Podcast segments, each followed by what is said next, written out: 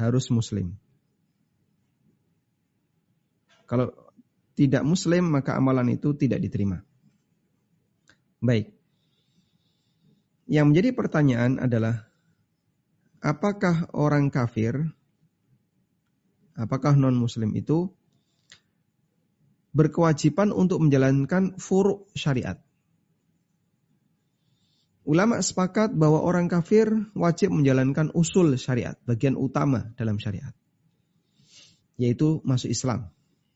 Namun ulama beda pendapat apakah orang kafir berkewajiban menjalankan furuk syariat ataukah tidak. Sebagian ulama mengatakan orang kafir berkewajiban untuk menjalankan furuk syariat. Dan ada yang mengatakan bahwa orang kafir tidak berkewajiban. Furuk syariat contohnya apa Pak? Misalnya sholat, ya, kemudian puasa, zakat, dan seterusnya. Amalan-amalan dalam Islam. Baik. Konsekuensi dari perbedaan ini adalah kalau kita sebagai penjual makanan, makanan matang, ya, bukan bahan makanan, jika ada orang kafir yang mau beli, boleh nggak dia dilayani? Kalau bagi orang kafir, kita tidak berurusan. Tapi kalau orang kafir berurusan dengan kita, apakah boleh kita layani dia? Jadi orang kafir nggak puasa, yaitu orang kafir haknya dia. Tapi bolehkah kita memberikan makanan kepada orang kafir yang tidak puasa ini? Padahal dia berkewajiban puasa. Menurut pendapat ulama yang mengatakan Orang kafir juga wajib puasa loh. Maka kita tidak boleh ngasih makanan ke dia. Meskipun dia nggak puasa. Tapi menurut ulama yang mengatakan orang kafir nggak wajib puasa. Maka kita boleh melayani dia ketika dia membeli makanan ke kita. Baik. Nah sekarang sholat itu apakah orang kafir juga wajib untuk menjalankannya? Ada khilaf tadi ya dan wallahu alam pendapat yang lebih kuat dalam hal ini adalah orang kafir juga wajib menjalankan sholat. Ya. Sehingga mereka dihukum oleh Allah karena mereka tidak masuk Islam. Dan mereka juga dihukum oleh Allah karena mereka tidak menjalankan furuk dari syariat. Ya. Dalilnya adalah firman Allah Subhanahu wa taala kita bacakan ya. Allah mengatakan dalam Al-Qur'an Ma salakakum fi sakor. Ma salakakum fi sakor. Ada di surat Al-Mudathir ayat yang mulai ayat 42. Allah mengatakan anil mujrimin tentang orang-orang yang kafir. Ma salakakum fi sakor.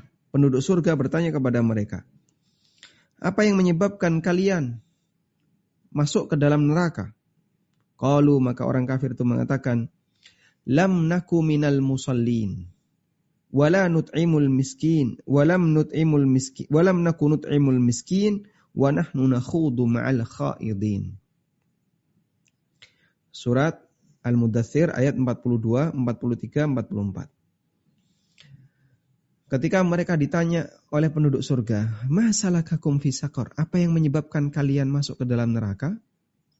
Jawaban pertama yang mereka sampaikan adalah qalu lam naku qalu lam naku minal musallin. Lam naku minal musallin. Karena kami dulu nggak sholat. Kami dulu nggak sholat. Maka sebab kami nggak sholat, kami masuk neraka. Padahal orang kafir kalau sholat sah atau tidak? Tidak sah. Loh, kalian nggak sholat kan karena kalian kafir. Dan orang kafir kalau sholat nggak sah. Tapi seperti itulah hisab Allah Subhanahu wa taala. Mereka tetap disiksa karena mereka tidak sholat. Maka orang kafir disiksa karena nggak puasa, orang kafir disiksa karena nggak bayar zakat. Mereka akan dihukum oleh Allah karena tidak menjalankan kewajiban-kewajiban syariat yang lain. Yang itu menunjukkan bahwasanya orang kafir juga punya kewajiban syariat yang bagian furu. Yang kedua adalah berakal. Orang gila tidak sah. Dan berakal dalam sholat, dia syarat sah dan sekaligus syarat wajib. Jika orang gila itu sembuh, maka dia wajib ibadah. Kalau dia balik gila, maka tidak wajib ibadah. Baik. Kemudian yang ketiga adalah balik. Balik itu syarat wajib, tapi bukan syarat sah. Makanya eh, ketika orang belum balik dan dia melaksanakan sholat, sholatnya sah, sekalipun dia tidak wajib. Anak kecil tidak wajib untuk sholat sampai dia balik. Namun dia diperintahkan ketika berusia tujuh tahun. Dan boleh dipukul ketika di usia sepuluh tahun. Berdasarkan hadis, muru auladakum bis salati li sab'in Perintahkanlah anak kalian untuk sholat ketika dia di usia tujuh tahun. Wadribuhum wahwa ibnu ashrin. Dan pukullah mereka untuk menjalankan sholat ketika mereka di usia sepuluh tahun. Kemudian syarat yang keempat adalah at-tahara minal hadatsain. Suci dari hadas, besar dan kecil ma'al kudrah selama dia mampu melakukannya. Berdasarkan sabda Nabi SAW dalam hadis Ibnu Umar, Nabi SAW bersabda, La yakbalullahu salatan bi ghairi tuhur. Allah tidak menerima salat hamba yang tidak bersuci. Dan insya Allah ini cukup atau kita sudah memahami bersama. Baik. Sekarang suci itu syarat apa? Syarat sah atau syarat wajib? Suci syarat sah ataukah syarat wajib? Jawabannya syarat sah. Karena dia diupayakan oleh manusia. Sehingga eh, dia harus melakukan bersuci agar sholatnya sah. Kalau tidak bersuci, apakah dia wajib sholat? Wajib. Dan dia harus bersuci. Agar sholatnya sah.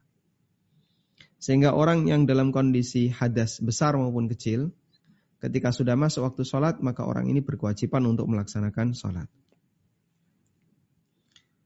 Yang kelima adalah duhulul wakti lis sholatil muakkatah. Sudah masuk waktu sholat. Berdasarkan firman Allah Ta'ala, Inna salata kanat alal mu'minina kitaban mawquta. Sungguhnya salat adalah kewajiban yang telah ditetapkan waktunya kepada kaum mukminin. Dan juga dalam hadis Jibril ketika Nabi Shallallahu Alaihi Wasallam diimami oleh Jibril untuk sholat lima waktu, lalu Jibril mengatakan ma baina hadzainil waqtaini waktun di antara dua rentang waktu inilah waktu sholat itu fala tasihhu shalah qabla dukhuli waqtiha wala ba'da khurujiha illa li udhrin. Maka tidak sah salat sebelum masuk waktu dan tidak sah salat setelah keluar waktu kecuali karena udur. Wallahu alam. Tayyib. Jadi pasca Nabi Shallallahu Alaihi Wasallam melakukan Isra Mi'raj, Jibril siang harinya langsung ngajari beliau dan Jibril datang di rentang waktu. Jibril datang di rentang waktu. Ada rentang waktu. Ketika sholat duhur, Jibril datang untuk ngimami Nabi SAW pada saat zawal. Sampai rentang waktu ketika bayangan benda sama sebagaimana tinggi benda itu. Kemudian Jibril datang lagi melaksanakan sholat asar. Yaitu ketika eh, bayangan benda panjangnya sama dengan tingginya. Dan begitu seterusnya sampai sholat yang terakhir. Lima kali sholat. Lalu Jibril mengatakan, Ma baina ma bainal waktaini waktun. Di antara dua waktu inilah waktu pelaksanaan sholat. Dan hadis ini uh, diriwayatkan oleh Imam Ahmad, An-Nasai dan seterusnya. Namun kondisi di mana kaum muslimin sudah memahami semuanya itu sudah cukup menjadi dalil karena dia bagian dari minad din bid sesuatu yang dipahami bagian dari agama oleh semua manusia. Dan tidak boleh keluar waktu kecuali karena uzur. Demikian pula tidak boleh di awal waktu atau sebelum waktu kecuali karena uzur. Kalau ini ada dua jamak takhir. Yang kedua adalah kodok. Kodok karena ketiduran atau lupa. Yang sebelum waktu hanya satu, yaitu jamak takdim. Jamak takdim. Baik. Maka uzur bagi orang yang sholat di luar waktu ada yang bentuknya jamak takhir, ada yang bentuknya kodok. Dan untuk sholat sebelum waktu hanya satu yaitu jamak takdim. Selanjutnya yang keenam adalah satrul aurah ma'al qudrah bisyai'in la yasiful basyarah. Menutup aurat selama dia mampu dengan sesuatu yang tidak e, menampakkan kulit. Sehingga pakaian sholat harus bukan pakaian yang transparan, tapi dia pakaian yang bisa menutupi kulit. Berdasarkan firman Allah Ta'ala, Ya Bani Adam khudhu zinatakum inda kulli masjid. Wahai Bani Adam, gunakanlah perhiasan kalian ketika setiap kali kalian ke masjid. Nabi Shallallahu Alaihi Wasallam juga bersabda, la yakbalullahu salata haidin illa bihimar. Allah tidak menerima salatnya wanita yang sedang haid illa bihimarin kecuali dia menggunakan khimar. Khimar di sini artinya adalah jilbab. Sehingga wanita ketika sholat tapi nggak pakai jilbab, sholatnya batal, tidak diterima oleh Allah Taala. Untuk aurat lelaki yang balik antara pusar sampai lutut. Ya. Berdasarkan sabda Nabi SAW kepada Jabir bin Abdullah, Idza sallaita fi thawbin wahid apabila kamu salat di satu dengan menggunakan baju yang satu fa in kana wasi'an faltahif bihi wa in kana dayyiqan fattazir bihi. Kalau kamu salat kata Jari, kata Jabir Nabi SAW memberikan nasihat kepada Jabir jika kamu sholat tapi kamu hanya punya sehelai kain dan kain itu lebar, maka silahkan dia gunakan untuk kemul. Jadi dikalungkan di sini sehingga kain itu menutupi seluruh uh, apa badannya. Tapi kalau kain itu tidak lebar, sempit, fattazir bihi, maka gunakan untuk sarungan. Dan yang paling afdal adalah ayyaj'ala ala atiqihi syai'an min Yang paling afdal dia bisa letakkan di pundaknya kain tertentu. Karena Nabi SAW melarang seseorang untuk sholat dengan menggunakan baju laisa ala atiqihi minhu syai' sementara pundaknya pundaknya enggak ada tutupnya. Ini terkait batasan aurat lelaki. Sehingga lelaki, bolehkah dia sholat dalam kondisi telanjang dada? Ada dua kondisi di situ. Kalau dia punya baju, maka harus tertutup dadanya. Alias nanti pundaknya harus tertutup. Kalau dia nggak punya, maka hukumnya diperbolehkan. Nah. Sementara untuk wanita, kulluha aurah, wanita itu semuanya aurat, kecuali wajah dan telapak tangannya. Maka ketika dia sholat, dia wajib menutupi seluruh badannya. Kecuali jika dia sholat ya, di depan al-ajanib, yaitu orang yang bukan mahram. Fa innaha tughatti kulla syai'in. Maka dia bisa tutupi seluruh dirinya. Berdasarkan sabda Nabi sallallahu alaihi wasallam, Al-mar'atu auratun, wanita itu aurat. Hadis riwayat Tirmidzi dan Nabi SAW juga bersabda, La yakbalullahu salata haidin illa bikhimar. Allah tidak menerima salatnya wanita yang sudah haid kecuali dengan menggunakan jilbab.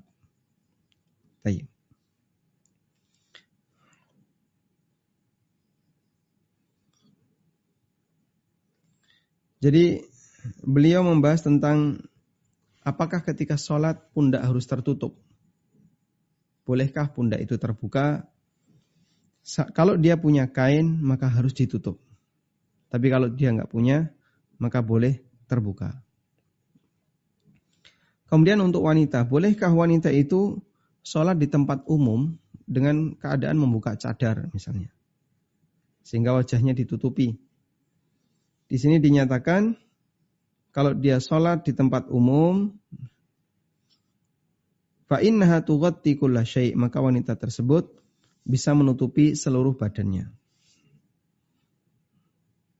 Ya, sehingga tidak ditinggalkan bagian mukanya. Wallahu alam.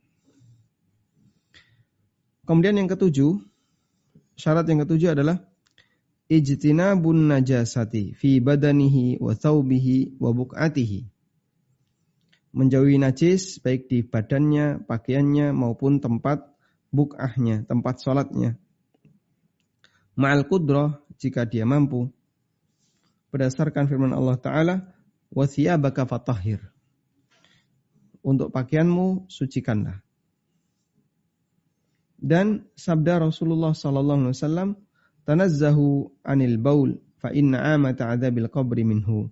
Hati-hatilah dengan kencing karena mayoritas ya, amata adzabil qabri mayoritas azab kubur adalah minhu dari kencing yang tidak hati-hati. Dan Nabi Shallallahu Alaihi Wasallam pernah mengatakan kepada Asma berkaitan dengan darah haid, yusibu thawb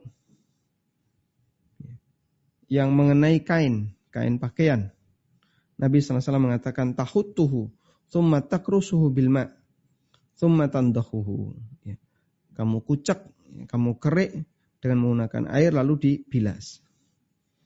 Thumma tusalli fihi lalu kamu bisa gunakan untuk sholat. Sehingga ini dijadikan dalil oleh uh, penulis untuk mengatakan bahwa kita harus menjauhi najis baik di badan, pakaian maupun tempat ya, untuk sholat. Dan termasuk di antaranya adalah kita berusaha untuk menghilangkan bekas-bekas najis jika ada kain yang terkena najis. Seperti tadi ada sahabiat yang dia cuma punya satu buah baju.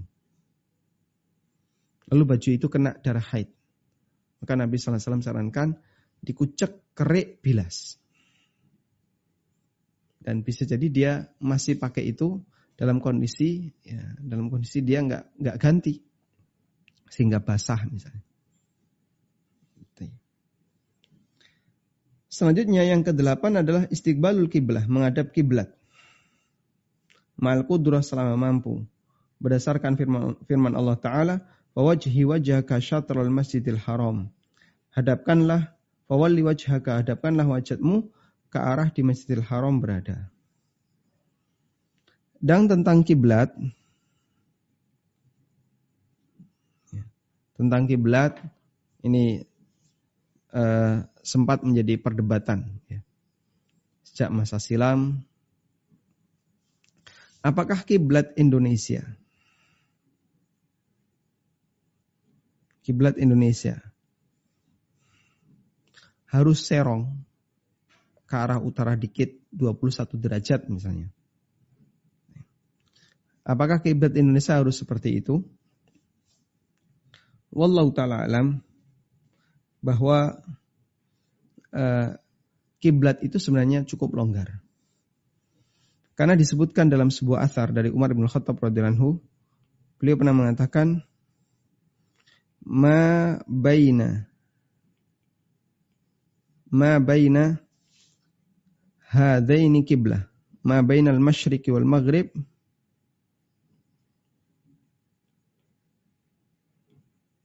kiblatun rentang antara timur dan barat adalah kiblat dan ini disampaikan untuk konteks Madinah. Madinah itu kiblatnya ke arah selatan. Pokoknya selama rentang antara timur dan barat, sejauh rentang ini adalah kiblat. Nah, dan kiblat semacam ini memberikan kita kelonggaran bahwa mau serong maupun tidak serong selama masih di rentang sekian derajat itu statusnya adalah ibadah yang sah. Atau orangnya disebut menghadap ke arah kiblat. Sehingga tidak harus persis. Bisa misalnya lurus ke barat atau agak serong kanan dikit atau agak serong dikit kiri dikit. Selama masih bisa disebut sebagai menghadap ke barat, maka orang itu dinamakan menghadap kiblat. Jadi kiblat Indonesia adalah menghadap ke arah negara di mana Ka'bah berada. Wallahu alam. Kemudian yang berikutnya adalah niat. Niat tidak boleh digugurkan bihalin sama sekali. Berdasarkan hadis Umar bin Khattab radhiyallahu anhu, "Innamal a'malu bin niat." Nabi SAW bersabda, sesungguhnya amal itu bergantung pada niatnya. Dan niat tempatnya di hati.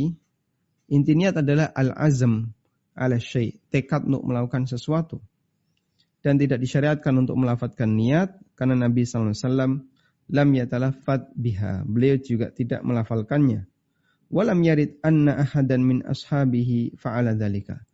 Dan tidak dijumpai siapa pun di antara sahabat beliau yang melakukan hal itu. Jadi tidak ada bacaan apa pun, tidak ada bacaan apa pun sebelum sholat. Baik, ini penting untuk diingat. Tidak ada bacaan apa pun sebelum sholat. Baik bacaan ta'awud, bacaan basmalah, termasuk juga baca kul a'udzu birabbil falaq, kul a'udzu birabbin nas. Termasuk juga merenungkan uh, mau karena dia mempraktikkan sholat khusyuk. Bukan seperti ini caranya. Karena tidak ada bacaan apa pun sebelum sholat. Sehingga orang ketika sholat bisa langsung menghadap ke arah kiblat. Udah? Kemudian Allahu Akbar sholat. Wallahu a'lam. Baik, uh, apakah sampai di sini bisa dipahami? Bismillah.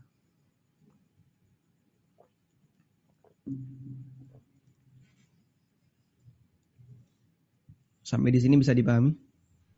Insya Allah Ustaz. Baik. Atau barangkali ada yang mau disampaikan? Mohon maaf nih Ustaz. Tadi yang untuk tentang kiblat itu uh, tadi berdasarkan hadis ya Ustaz ya. Apa yang yang antara barat dan timur adalah kiblat. Baik. Jadi kalau kita gambar jazirah Arab kurang lebih seperti ini ya. Kita coba buka peta Um,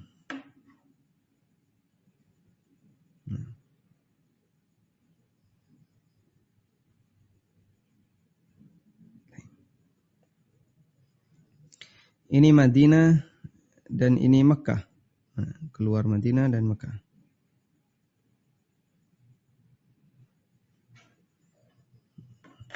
Madinah di utara, kemudian Mekah di selatan.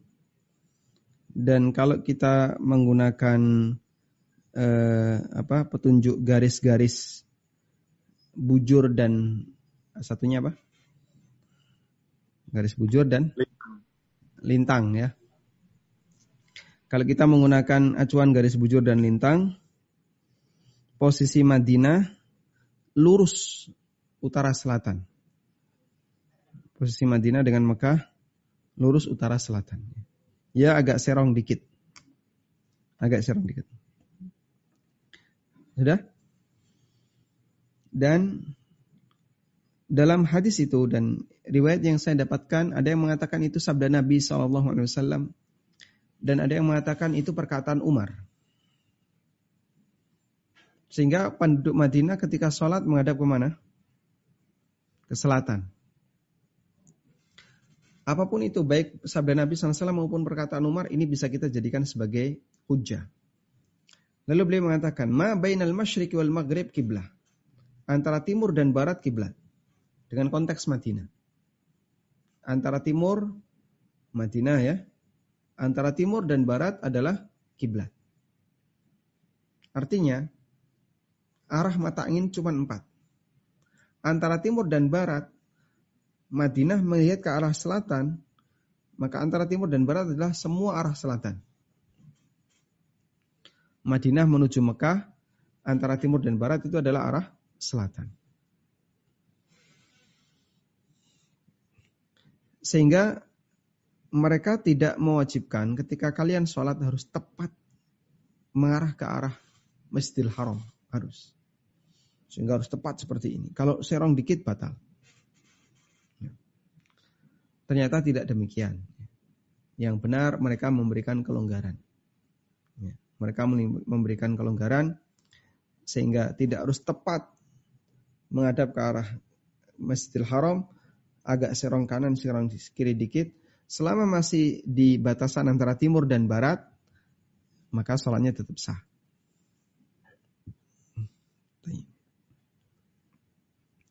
Dan kalau konteks Indonesia berarti antara utara dan selatan. Selama pokoknya Bapak menghadap ke arah barat, sholat sah. Sehingga tidak tidak harus serong.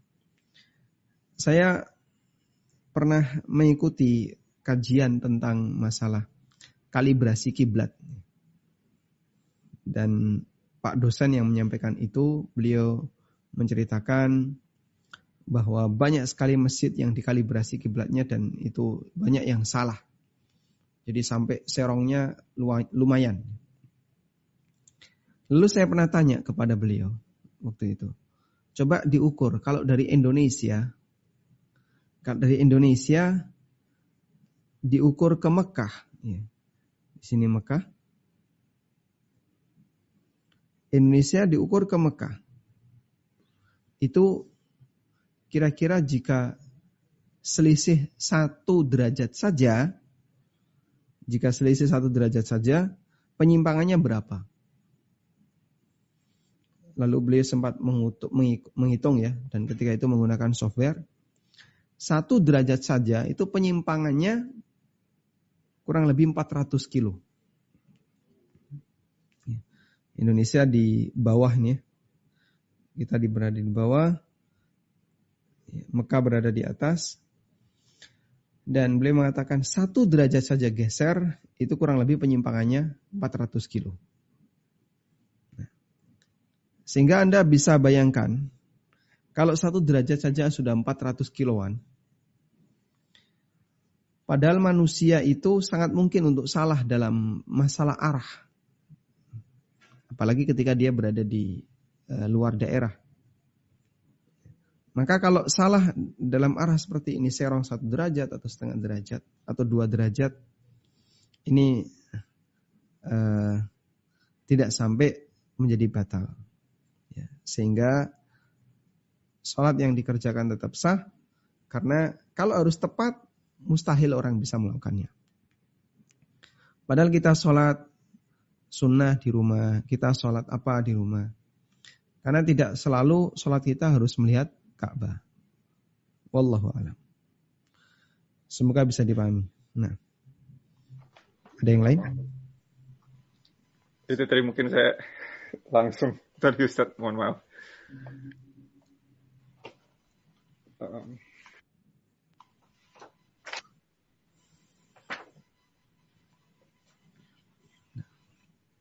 Ini akan dilanjutkan lagi atau sampai di sini dulu rencananya Ustaz?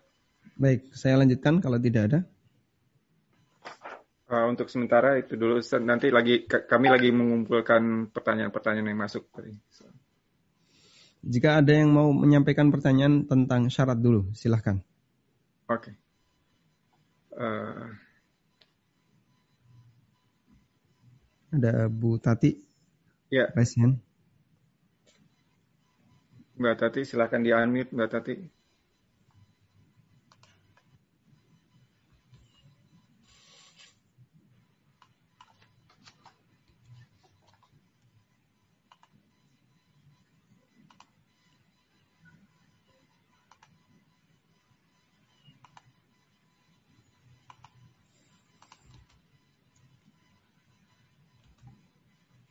Mbak Tati, mohon maaf.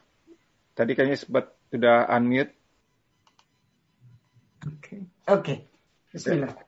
Nah, uh, syarat untuk tadi dikatakan niat tidak ada bacaan apa pun sebelum sholat.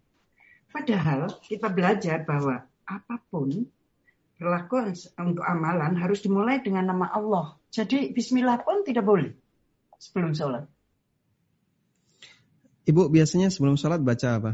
Ya Bismillah, karena itu perbuatan yang uh, uh, niat kan sudah di hati. Ya, Bismillah uh, saya selalu pakai karena saya yakin sesuatu itu amalan harus dimulai dengan nama Allah begitu. Masya Allah. Jadi salah benar saya di sini. Tayyib, barakallahu fikum.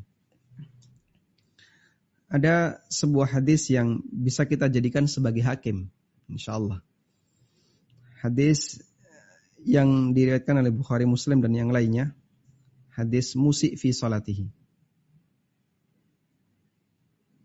Hadis uh, musik fi salatihi.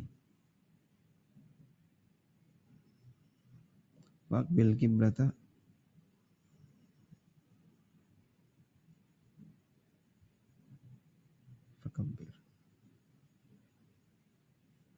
Coba saya cantumkan hadisnya, semoga bisa.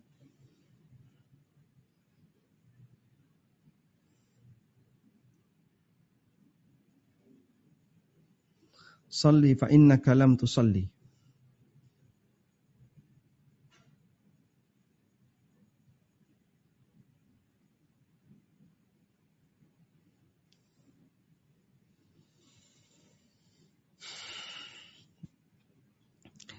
Baik, hadisnya riwayat Bukhari. Saya cantumkan di sini.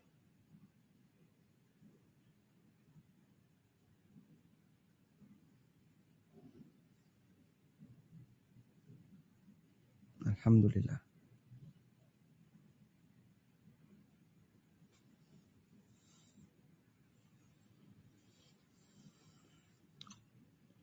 Dari sahabat Abu Hurairah radhiyallahu anhu dari sahabat Abu Hurairah radhiyallahu anhu bahwasanya Rasulullah sallallahu alaihi wasallam dakhala al-masjid. Beliau pernah masuk masjid. Fadakhala rajulun fasalla. Lalu datang seseorang fasalla kemudian dia salat. Ya. Fasallama kemudian orang ini setelah selesai salat orang ini menghampiri Nabi SAW dan menyampaikan salam kepada beliau. Fasallama ala Nabi sallallahu alaihi wasallam. Faradda wa qala. Lalu beliau menjawab salam itu dan beliau mengatakan irji fasalli fa innaka irji fasalli fa innaka lam tusalli. Kembalilah kerjakan salat karena salatmu batal. Faraja'a yusalli kama shalla. Lalu orang ini mengulang salat itu kembali. Thumma ja'a selesai salat dia datang lagi fasallama ala nabi sallallahu alaihi wasallam kemudian memberi salam kepada Nabi sallallahu alaihi wasallam Lalu beliau jawab dan kemudian Nabi SAW mengatakan, Irji fasalli fa inna kalam tusalli. Ulangi sholatmu karena tadi sholatmu batal. Dan itu terjadi sebanyak tiga kali.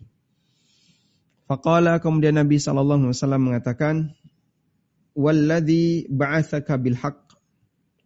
Walladhi ba'athaka bilhaq. Demi zat yang mengutusmu dengan kebenaran. Ma uhsinu ghairuhu. Ma uhsinu ghairahu aku tidak bisa sholat yang lebih baik dibandingkan itu. Fa'alimni, maka ajarilah aku. Orang ini minta kepada Nabi Shallallahu Alaihi Wasallam untuk diajari sholat.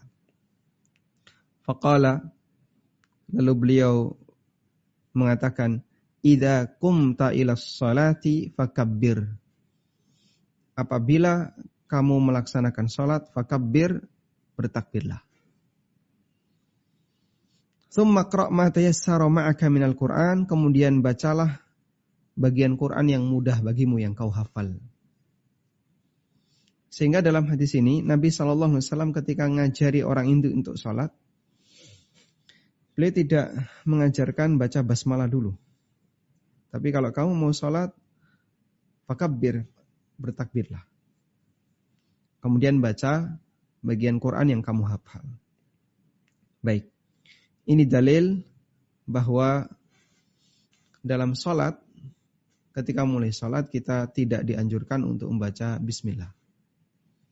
Dan itu kebiasaan saya. Saya juga tidak membaca basmalah. Dan kami juga tidak menjumpai adanya uh, riwayat bahwasanya Nabi Shallallahu Alaihi Wasallam sebelum sholat beliau membaca basmalah. Lalu bagaimana dengan hadis? Kullu amrin dzibalin la yubda'u bismillah fawwa aqta. Semua urusan yang penting tapi di, diawali dengan bismillah fawwa aqta maka urusan itu terputus. Hadis ini statusnya dhaif. Lemah dan ada beberapa redaksi yang semuanya redaksi-redaksi itu adalah redaksi yang dhaif. Sehingga mengingat redaksinya adalah redaksi yang dhaif, atau riwayatnya riwayat yang daif maka tidak kita jadikan sebagai dalil. Berbeda dengan wudhu. Kalau wudhu ada hadis khusus. Nabi SAW bersabda, La wudhu aliman lam yadhkur ismallahi alaih. Tidak ada wudhu bagi orang yang tidak menyebut nama Allah. Karena itu kalau wudhu kita ditekankan untuk baca basmalah. Bahkan sebagian ulama mengatakan orang berwudhu sementara dia tidak membaca basmalah maka wudhunya batal. Wallahu alam. Tayyib. Kita lanjutkan atau ada yang mau disampaikan lagi?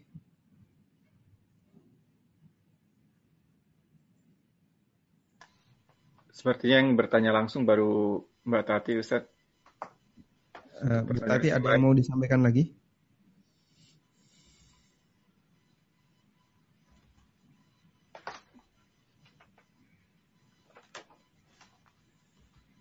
Ustaz. Baik. Kita lanjutkan ke bagian rukun. Al-arkan, rukun salat. Hiyama tatakawwanu minhal ibadat. Wala tasihul ibadatu illa biha. Rukun itu apa sih? Lalu apa bedanya antara rukun dengan syarat? Di sini dinyatakan bahasanya rukun salat adalah unsur salat kita buat peta nggak jadi tadi ya. Saya hapus petanya. Rukun sholat. Apa itu rukun ibadah? Rukun sama dengan unsur utama. Karena dalam sebuah bangunan kan ada unsur utama, ada unsur pelengkap. Rukun itu unsur utama. Makanya jika unsur utamanya rusak, maka bangunan itu dianggap apa? Dianggap rusak. Sehingga rukun sholat berarti unsur utama sholat. Wal farqu bainahu wa bainas syurut. Perbedaan antara rukun dengan syarat. Anna syarta yataqaddamu alal ibadah. Wa yastamiru ma'aha amal arkanu fahiyallati tashtamilu alaihal ibadah min akwalin wa af'al. Apa bedanya rukun dengan syarat? Penulis mengatakan kalau syarat itu harus ada sebelum ibadah dan tetap berlanjut tetap berlanjut sampai selesai ibadah.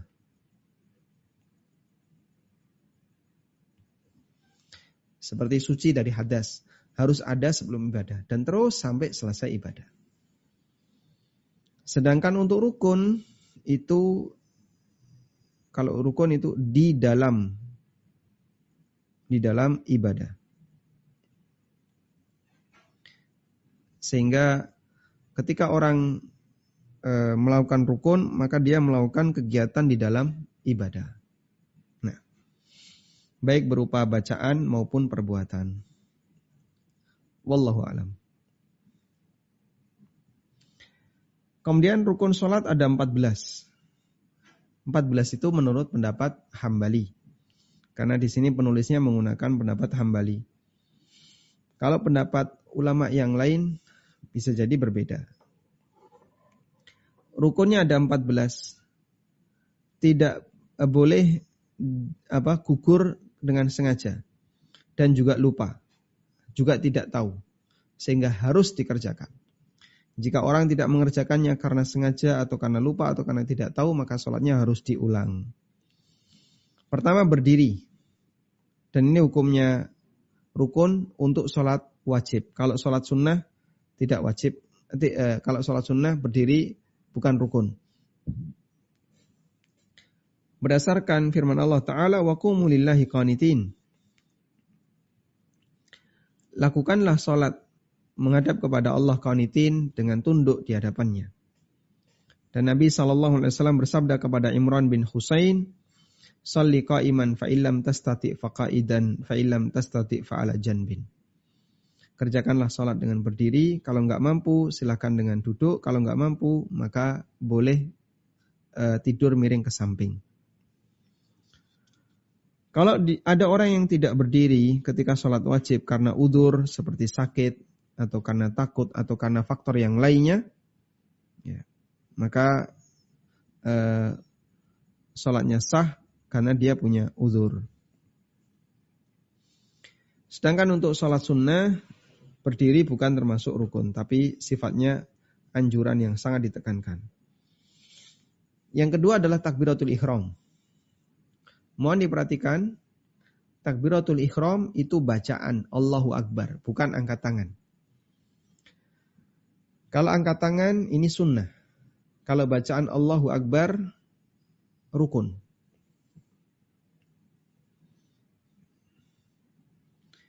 Yang ketiga adalah membaca Al-Fatihah. Dan ini termasuk rukun dalam sholat.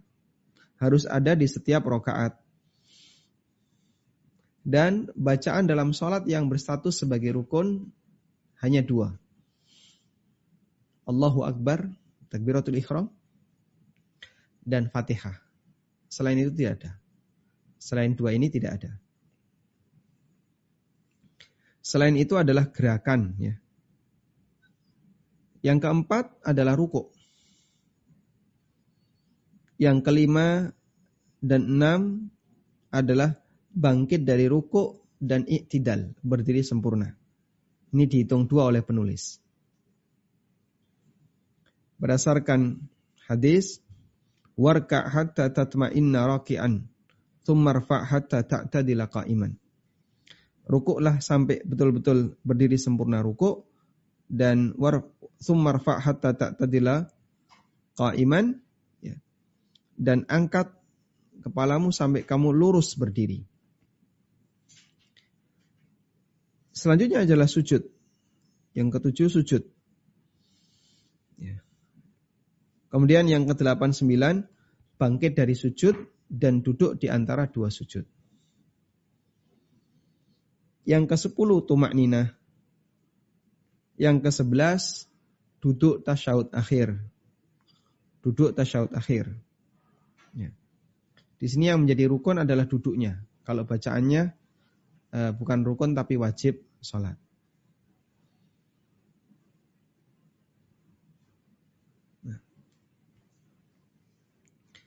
Kemudian yang ke-12 adalah bacaan tasyahud akhir. Di sini dalam madhab eh, Hambali, bacaan tasyahud akhir bagian dari rukun sholat.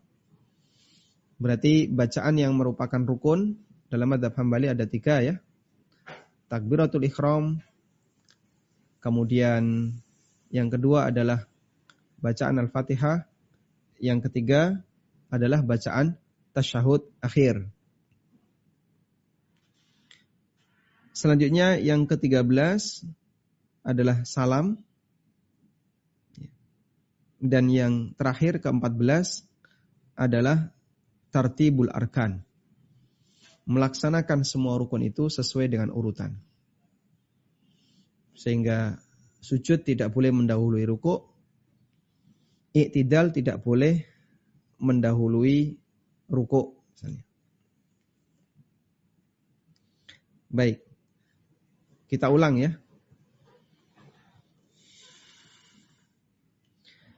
Definisi rukun adalah bacaan atau gerakan dalam sholat.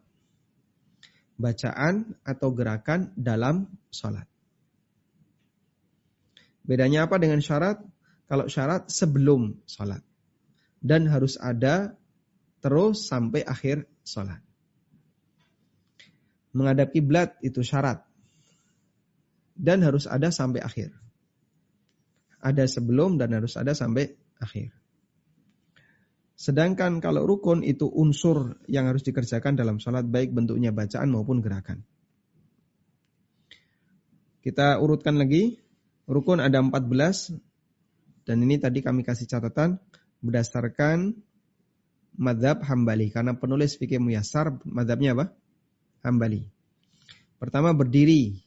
Ini rukun untuk sholat wajib kalau sholat sunnah tidak rukun. Boleh nggak Pak orang sholat sunnah tiba-tiba duduk? Ya silahkan. Lo kamu bisa berdiri kok duduk? Tidak apa-apa, sholat sunnah bebas. Mau berdiri boleh, duduk boleh. Cuman pahalanya be beda. Sehingga misalnya ada orang yang sholat sunnah, eh, kemudian dia sengaja duduk, silahkan. Boleh, tapi pahalanya beda. Yang kedua takbiratul ikhram, yaitu bacaan Allahu Akbar, bukan mengangkat tangannya. Yang ketiga membaca Al-Fatihah. Yang keempat ruko. Yang kelima bangkit dari ruko. Yang keenam berdiri sempurna iktidal. Jadi bangkit dari ruko adalah gerakan berdirinya. Yang keenam berdirinya. Kalau yang kelima gerakan perpindahan dari rukuk ke berdiri. Kalau yang keenam berdirinya. Yang ketujuh sujud. Yang kedelapan gerakan perpindahan dari sujud ke duduk. Yang kesembilan yang kesembilan duduk di antara dua sujud. Kesepuluh tumak nina.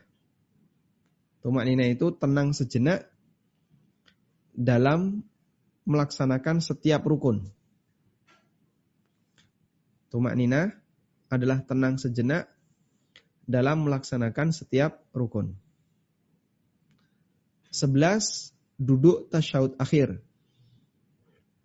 Kok tasyahud awal nggak ada? Tasyahud awal bukan rukun. Tapi wajib sholat. Sehingga kalau orang meninggalkan tasyahud awal, Eh, dengan tidak sengaja maka sholatnya sah tapi nanti diganti dengan sujud sahwi. Yang ke-12 bacaan tasyahud awal. At-tahiyatu lillah wassalawat wat tayyibat sampai syahadat. Yang ke-13 salam dan salam yang rukun merupakan salam yang pertama Assalamualaikum ke arah kanan. Sedangkan salam yang kedua bukan rukun. Namun makmum tidak boleh salam sebelum imam menyelesaikan salam yang kedua. Dan kita sering menjumpai kesalahan para makmum. Mereka sudah salam sebelum imam selesai salam kedua. Yang keempat tertib. Artinya gerakan-gerakan sholat harus dilakukan secara berurutan. Allahu alam.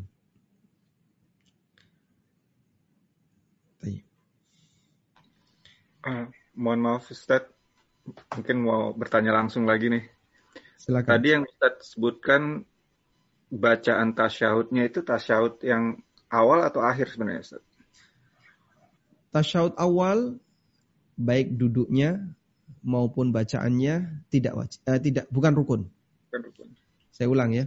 Untuk tasyahud awal baik duduknya maupun bacaannya dua-duanya bukan rukun salat. Kita bicara rukun.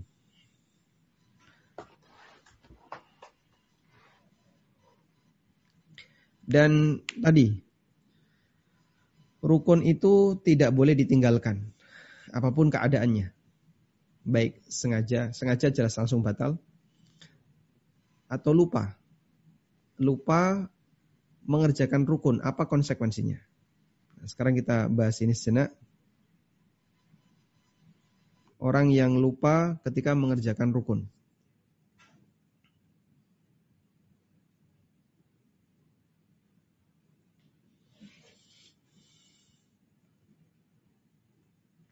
lupa mengerjakan yang wajib.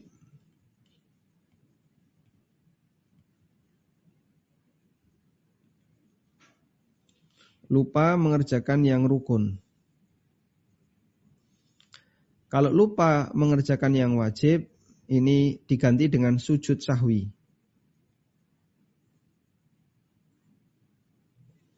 Kalau lupa mengerjakan yang rukun, batal. Batal di sini batal apa? Batal di sini ada dua. Pertama, batal sholatnya. Kalau batal sholat, harus ulang dari awal. Yang kedua, batal rokaatnya. Maka di sini rokaatnya tidak dihitung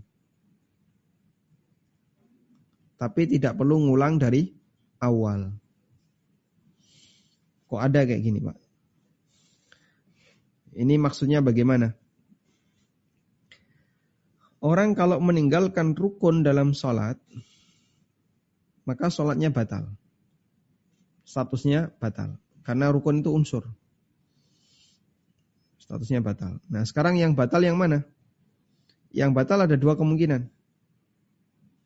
Pertama batal sholatnya, yang kedua batal rokaatnya. Bagaimana bentuk batal sholatnya? Ya harus diulangi dari awal. Baik. Kapan meninggalkan rukun berstatus sebagai batal sholat? Meninggalkan rukun berstatus sebagai batal sholat hanya satu. Yaitu eh, takbiratul ikhram.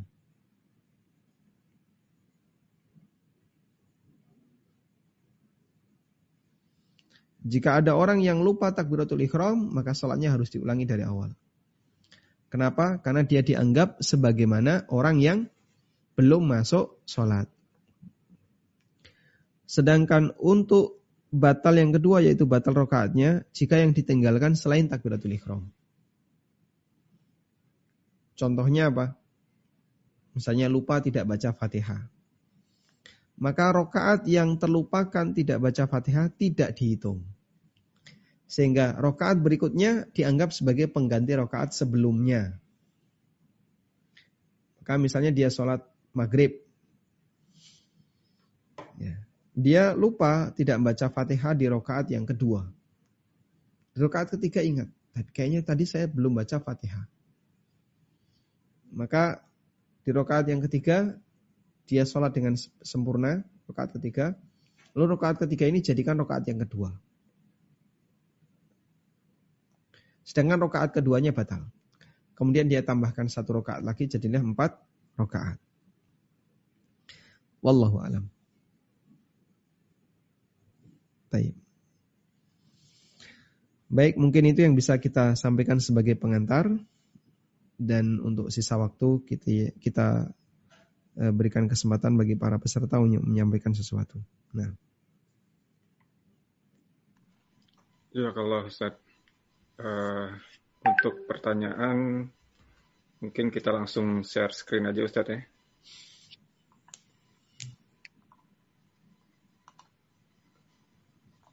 Ini pertanyaan yang pertama Ustadz. Akan saya bacakan. Assalamualaikum. Bagaimana hukum seorang muslim yang nikah dengan non-muslim? Apakah sholatnya tetap diterima walaupun pasangannya tetap non-muslim?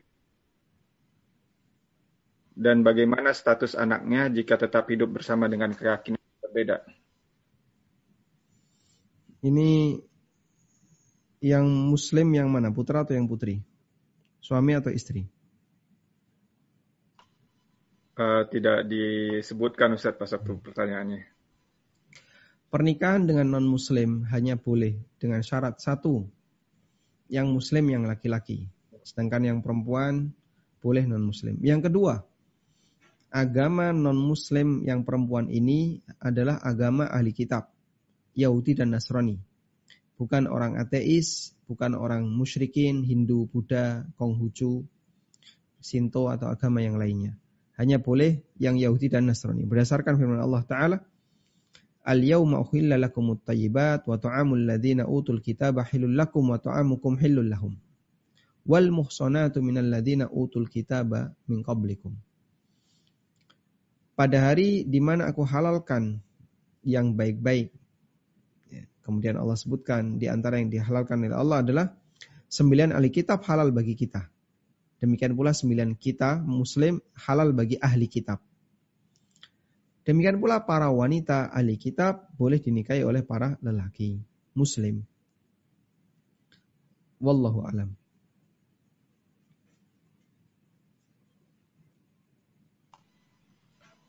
Kalau ini yang terjadi nikahnya sah dan anaknya bisa dinasabkan ke bapaknya.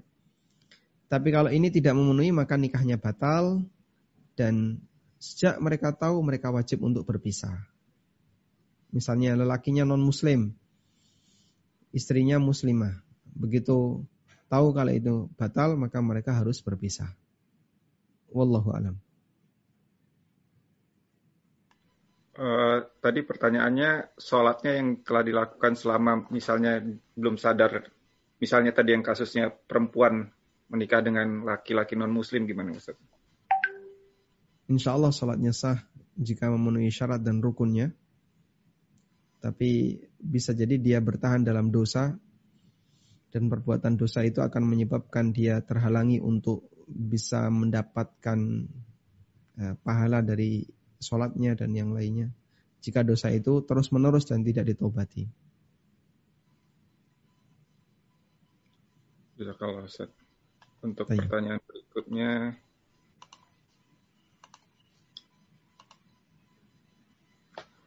Bismillah, Ustaz. Apakah wanita harus memakai kaos kaki jika sholat? Saya pernah diberitahu kalau kaki harus tertutup jika sholat. Tidak boleh terlihat sedikit pun. Tapi saya tidak diberitahu dalilnya. Ini mungkin tadi terkait dengan uh, hadis yang Ustaz bilang wanita itu adalah aurat.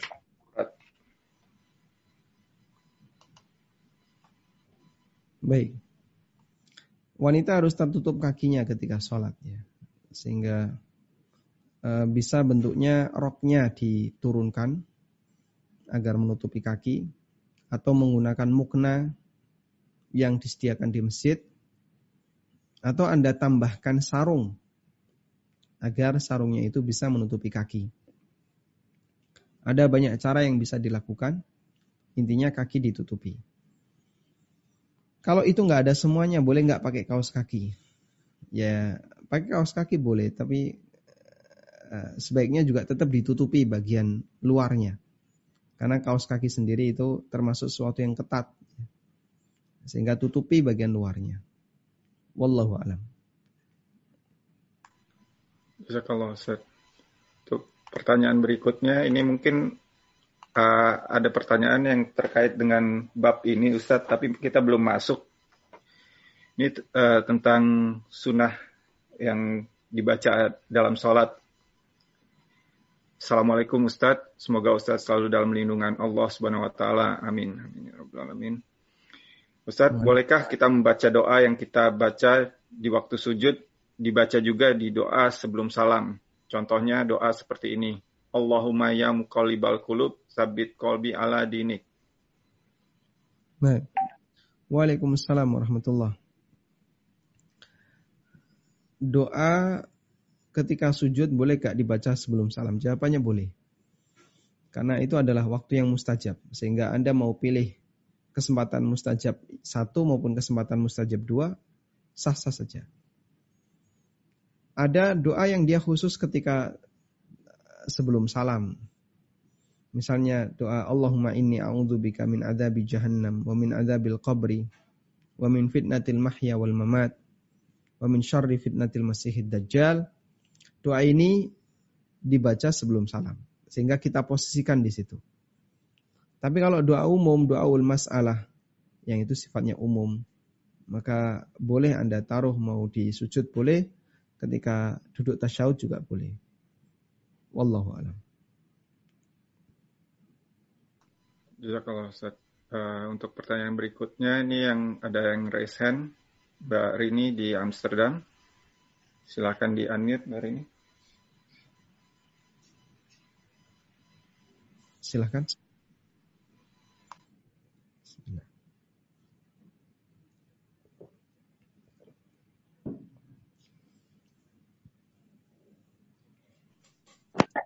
Assalamualaikum Ustaz. Waalaikumsalam warahmatullah. Silakan. Masalah Bismillah ya, yang pertanyaan Bu Tati. Kalau kita uh, ambil wudhu biasanya di kamar mandi. Sebelum masuk kamar mandi kita udah akhir. Tapi uh, pertanyaan bacanya Bismillah itu sebelum masuk kamar atau uh, saat kita sudah di kamar mandi tidak disarankan untuk baca basmalah di kamar mandi. Itu yang pertama. Yang kedua, tadi Ustadz, Ustadz katakan mengenai ini Ustadz, takbiratul ikhram. Itu bukan gerakannya, tapi uh, bacaan takbirnya. Pertanyaan saya itu, uh, Halo? Ya, masih nyambung.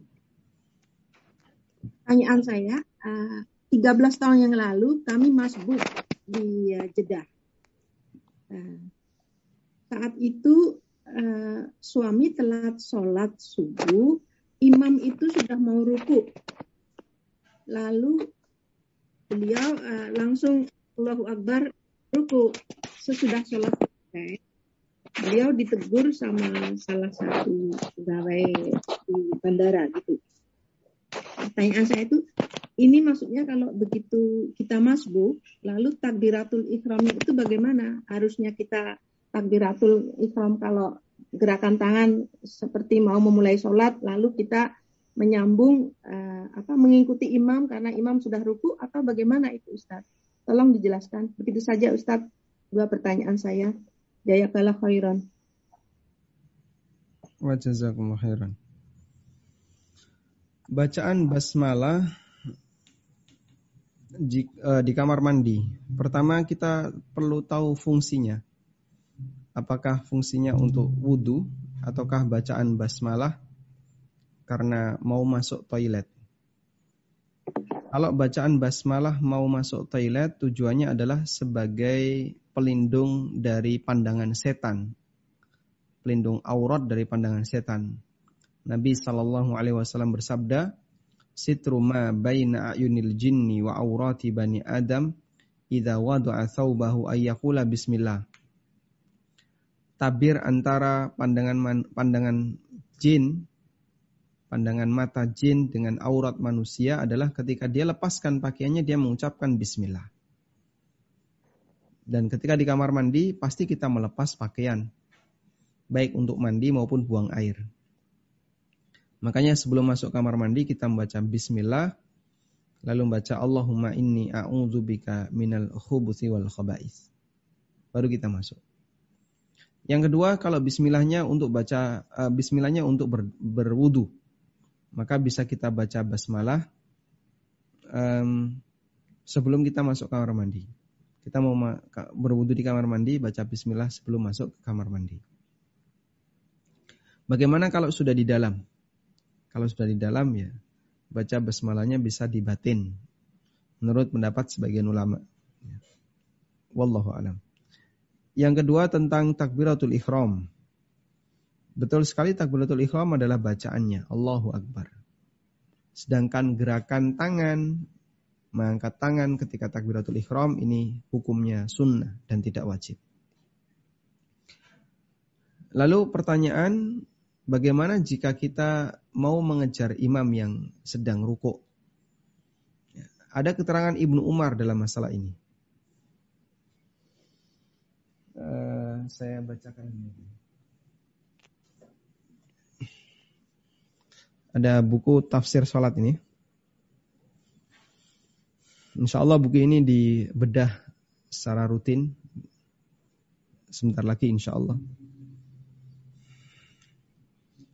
Di buku ini saya sebutkan salah satu di antara fikih tentang ruku adalah status makmum yang yang tadi uh, dia masbuk ya. ada riwayat dari Ibnu Umar radhiyallahu anhu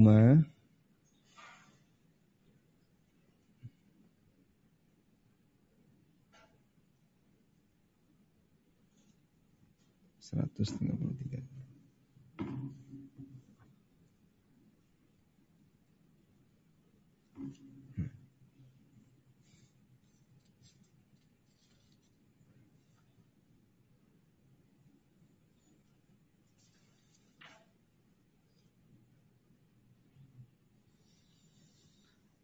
Dalam keterangan Ibnu Umar, apabila kam, apabila ada imam yang sedang rukuk Lalu kamu menyusul dia ruku agar bisa mendapatkan satu rokaat bersama imam. Jika dia sempat takbiratul ikhram, lalu ruku dan imam masih ruku, maka dihitung satu, dapat satu rokaat. Tapi kalau dia ketika ruku ternyata imam sudah berdiri, maka dianggap tidak mendapatkan satu rokaat. Sehingga batasannya adalah makmum masbuk ini bisa tumak ninah ruku bersama imam yang sedang ruku. Itu batasnya. Sehingga misalnya ini imam ya. Ini imam, imam. Ini makmum masbuk. Imam sedang ruku. Makmum datang. Allahu Akbar. Lalu dia ruku. Tiba-tiba imamnya sami Allahu liman hamidah. kurang bejo ya. Maka di sini tidak mendapatkan satu rokaat bersama imam. Tapi kalau imam ruku kita datang Allahu Akbar terus ruku sehingga imam masih ruku kita ruku maka kita dapat satu rokaat. Nah untuk takbiratul ikhramnya, eh, untuk takbir ya takbiratul ikhram harus di posisi berdiri, tidak boleh sambil turun, tidak boleh sambil turun karena kalau sambil turun maka jadinya bukan takbiratul ikhram. Karena itu para ulama menganjurkan boleh takbir dua kali. Allahu Akbar takbiratul ikhram, lalu Allahu Akbar takbir ruku. Meskipun boleh juga takbir sekali. Wallahu alam.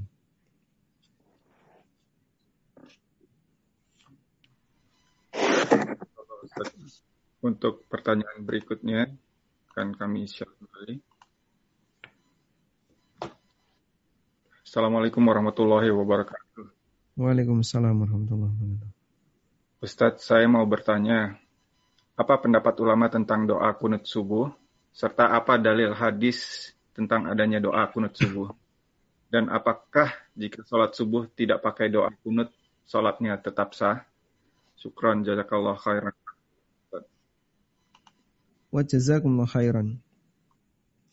Khilaf tentang kunut subuh termasuk khilaf muntaqaddimin khilaf yang ada sejak masa silam.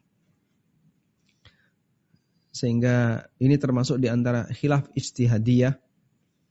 Dan pertama yang perlu kita pahami adalah kalau ulama masa silam mengalami khilaf seperti ini dan mereka tetap bisa hidup akur, lalu kenapa kita di zaman sekarang melihat khilaf seperti ini terus berantem?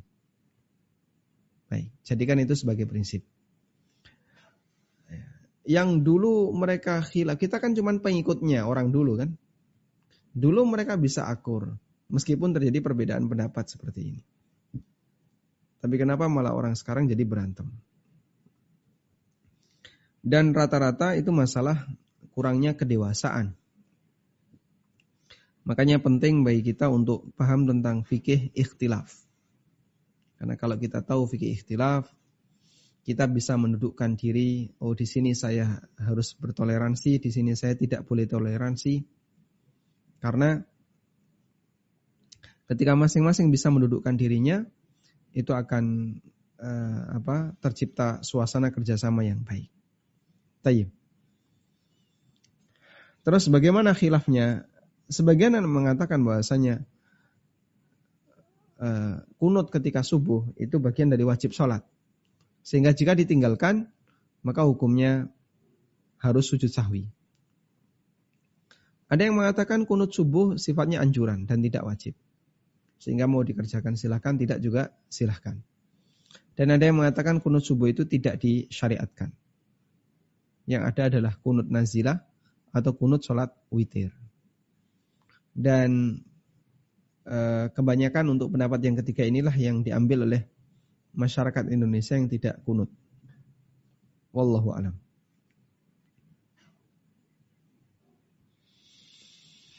Ya kalau Ustaz untuk pertanyaan berikutnya, maaf, kan bisa kembali.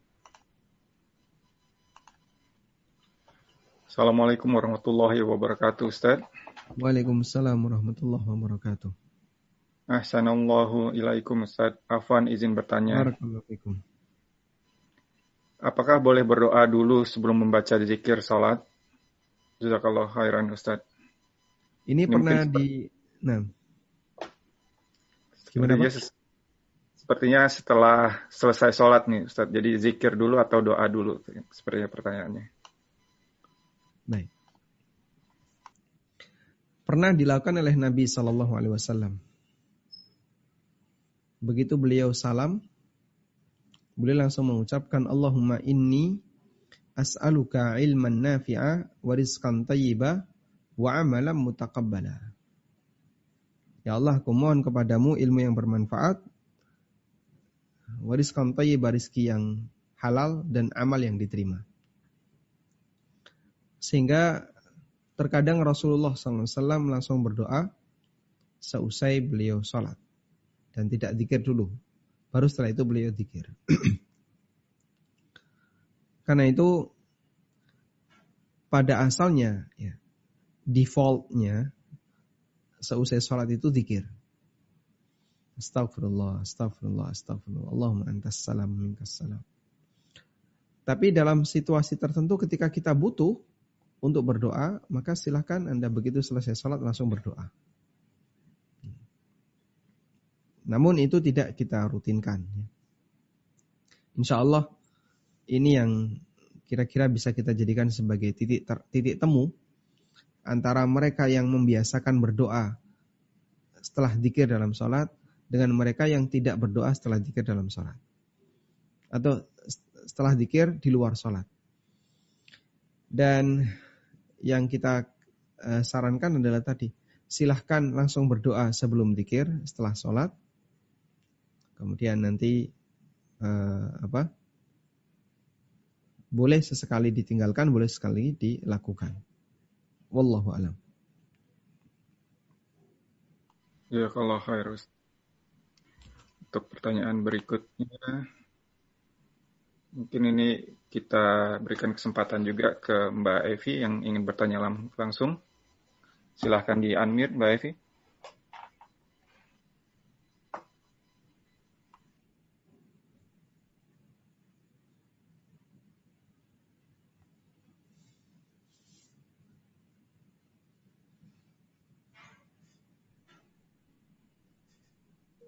Assalamualaikum warahmatullahi wabarakatuh. Ustadz, iya. Eh, uh, izin bertanya Ustadz, ini berkaitan dengan uh, kondisi ayah saya yang sudah lanjut usia. Uh, semakin hari semakin banyak yang terlupa bacaan sholatnya Ustadz. Jadi tahun lalu, tahun lalu uh, hanya atahiyat atahiyat tahiyatnya aja yang yang itu ya yang yang terlupa. Sekarang juga rokaatnya itu sering sering terlupa Ustadz juga uh, bacaan su, sujud itu kadang-kadang lupa gitu. Terus sama Al-Fatihah tuh ada ada dua kata yang terlupa gitu. Nah selama ini saya uh, mendampingi beliau sholat. Nah itu apakah dibenarkan atau bagaimana gitu hukumnya untuk ayah saya yang sebenarnya sih kalau dilihat uh, apa ya hmm, beliau tuh belum belum pikun Ustadz. Cuman untuk sholatnya uh, semakin hari ada gitu yang semakin banyak terlupa. Nah itu gimana uh, saya sebagai anaknya yang yang yang kebetulan tinggal di rumah saya gitu. Kewajiban saya seperti apa gitu Ustaz menghadapi kealpaan ayah saya. Mohon. Allah berfirman, "Wa minhum may yuraddu ila ardhil umur likai la ya'lama ba'da ilmin syai'a." Di antara manusia ada yang dikembalikan oleh Allah ila ardhalil umur. Ke usia yang paling hina. Dan yang dimaksud di sini adalah usia pikun. Likai la ya'lama ba'da ilmin syai'a. Yang dia menjadi tidak tahu sesuatu yang sebelumnya telah dia ketahui. Sehingga dulunya sudah hafal Al-Fatihah, jadi hilang dua ayat atau dua kata. Dulunya hafal surat apa, hilang satu ayat atau satu kata, dan seterusnya. Dan itu bagian dari uh, apa tabiat manusia di mana kurvanya sudah mulai nurun drastis. Semoga Allah Subhanahu wa taala menjadikan beliau hamba yang selalu istiqomah di atas kebenaran. Amin. Dan adanya berbagai macam kekurangan ya, itu di luar kehendak beliau hafizahullah. Semoga diampuni oleh Allah. Dan selanjutnya kita akan bicarakan bagaimana solusinya. Karena sholat beliau adalah sholat yang kemungkinan besar tidak lengkap jika dikerjakan sendiri. Lupa di beberapa kata di Al-Fatihah, kadang iya, lupa gerakan. Iya. Maka kami sangat tekankan agar beliau jangan sampai sholat sendirian. Harus ada yang jadi imam, yang mengimami beliau. Bisa diikutkan dalam sholat jamaah di masjid bersama jamaah yang lain. Bisa juga Ya. Jika tidak memungkinkan di masjid, maka bisa juga diimami oleh imam yang lain di rumah. Namun tentu saja harus lelaki ya. Sehingga nanti mungkin bisa suami ibu atau cucu yang laki-laki ngimami e, kakeknya ya. Dan itu cara yang paling mudah untuk meminimalisir kondisi sholat yang tidak sah. Karena seperti yang tadi Anda sampaikan bahasanya Bapak tidak pikun, cuman banyak yang lupa dari kondisi sholatnya. Dan itulah bagian dari penurunan grafik kemampuan akal manusia. Wallahu alam. Usia sudah 86 tahun, Allah. Uh, ya, uh, kalau saya membisikkan bacaannya itu dibenarkan atau tidak, Ustadz? Beliau sholat sendiri. Iya, sholat sendiri. Insya Allah boleh. Boleh ya Ustadz ya. Karena kan kalau kalau zuhur kan suami kerja ini ya saya aja yang di rumah gitu Ustadz. Jadi kalau sholat saya menemani beliau, saya bisikkan bacaannya di atahiyatnya gitu. Dulu awalnya itu tapi lama kelamaan semakin ke sini uh, sujudnya itu sering yang sujud pertama subhana rabbiyal a'la yang kedua balik lagi bacaan yang ruku gitu Ustaz. Jadi saya mengingatkan subhana rabbiyal a'la gitu. Kadang-kadang sujud hanya sekali terus langsung berdiri gitu. Saya ingatkan uh, sujud lagi gitu. Saya saya bilang begitu itu dibolehkan nggak Ustaz untuk mengingatkan beliau bahwa sujudnya kurang sekali? Dan alhamdulillah sih uh, beliau ini ya uh, nggak tersinggung gitu Ustaz boleh ya boleh ya Ustaz ya dan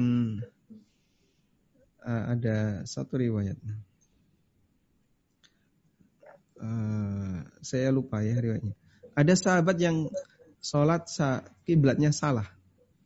Lalu diingatkan kiblat ada di sebelah. Iya ya, riwayat tentang perubahan kiblat di Masjid Kuba. Sahabat sedang sholat jamaah subuh. Tiba-tiba ada teriakan. Lakot unzilatil barihah. Tadi malam telah diturunkan satu ayat. Yang memerintahkan agar kita menghadap ke arah Ka'bah. Maka para sahabat yang sedang sholat subuh itu, mereka pun berpindah haluan yang awalnya menghadap ke arah utara, sekarang menghadap ke arah selatan. Ini dalil bahasanya boleh memberikan informasi kepada orang yang sedang sholat, yang informasi itu penting baginya, baik untuk urusan ibadahnya maupun untuk urusan yang lain. Misalnya ada orang sedang sholat, kemudian kita kasih informasi, awas pak, kebakaran di atas bapak. Ya. Nanti kan khawatir kejatuhan kayu yang kebakar. Kemudian beliau batalkan langsung beliau pergi dari situ. Dan alhamdulillah nyawanya selamat misalnya. Hukumnya diperbolehkan. Termasuk juga memberikan bisikan saat ada orang yang sedang sholat, lalu dia keliru. Sujud pak, sujud. Duduk di antara dua sujud, duduk di antara dua sujud. Nah, dan uh, insya Allah apa yang Anda lakukan sudah benar. Anda tidak jadi imamnya, tapi Anda membisikkan sesuatu kepada Bapak agar dia mengikuti apa yang Anda bimbing di situ.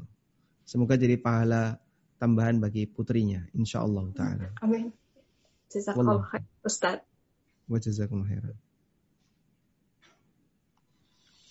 Baik Ustaz, uh, ini udah jam setengah sepuluh ya Ustaz ya. Kalau hmm. masih berkenan, ada beberapa pertanyaan lagi. Satu Kalau, lagi? Satu lagi. Kalau satu lagi mungkin uh, kita kasih kesempatan mau bertanya langsung. Ini Amri Badawi, uh, silakan di unmute. Silakan Pak Amri. Assalamualaikum Pak Ustaz, saya Ibu Amri dari Bekasi. Oh, Masya, Masya Allah, Barakallah. Silakan Bu Amri. Ya, terima kasih atas kesempatannya. Yang saya ingin tanyakan, uh, ketika kita sholat, tadinya kan pakai mukena yang panjang ya, roknya ya Pak Ustaz. Pada saat sholat, nggak disengaja, kakinya kelihatan ya, apakah itu membatalkan sholat ya Ustaz? Nah. Cukup Ibu? Ya.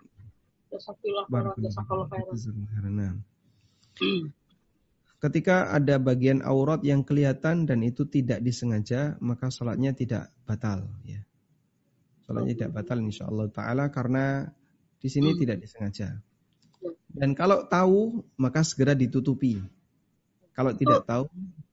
Uh, kalau tangan kita ke belakang menutup, itu itu juga tidak batal ya Pak Ustaz? Gerakan yang dibutuhkan boleh. Boleh. Oh. Gerakan oh, yang dibutuhkan iya. boleh. Nah. Baik. Alhamdulillah. Nah, barakallahu Baik. Cukup Pak Roland? Uh, sebenarnya masih banyak Ustaz pertanyaan, cuman uh, mengingat waktunya juga. Simpan untuk pertanyaan berikutnya, insya Allah. Untuk, untuk sesi berikutnya, oh. insya Allah Ta'ala. Insya Allah Ta'ala. Uh, ya mungkin uh, mohon diba dibantu untuk dipandu Ustaz untuk mengakhirkan kajian kali ini. Baik. Baik, demikian yang bisa kita sampaikan. Jika ada banyak kekurangan saya mohon maaf dan semoga apa yang kita pelajari ini bermanfaat. Dan insya Allah dalam waktu beberapa hari atau mungkin dua hari lagi ya, kita akan mengupas kajian bedah buku ya. Kita akan mulai kajian bedah buku, mengupas buku tafsir salat. Dan ini akan kita laksanakan rutin setiap setelah subuh jam 5.15 sampai setengah 7. Disiarkan secara live melalui ANB channel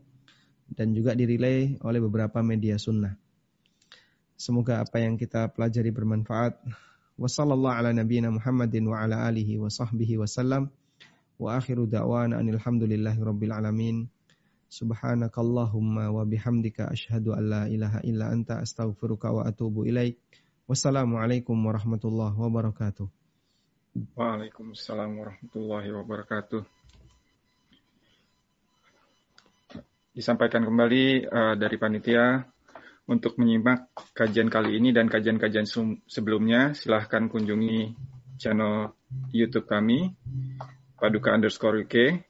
Dan untuk jadwal kajian online yang diadak diadakan dan materi-materi akan di-share di grup WhatsApp atau Telegram Dan untuk informasi grup WhatsApp dan Telegram ini silahkan untuk kontak admin Popi atau WhatsApp dengan nomor plus 44 730 703 2030. Akhir kata, kami mohon maaf jika ada kekurangan dan kesalahan dalam penyelenggaraan kajian kali ini. Barakallahu fikum. Wabillahi taufiq wal hidayah. Wassalamualaikum warahmatullahi wabarakatuh. Waalaikumsalam warahmatullahi wabarakatuh.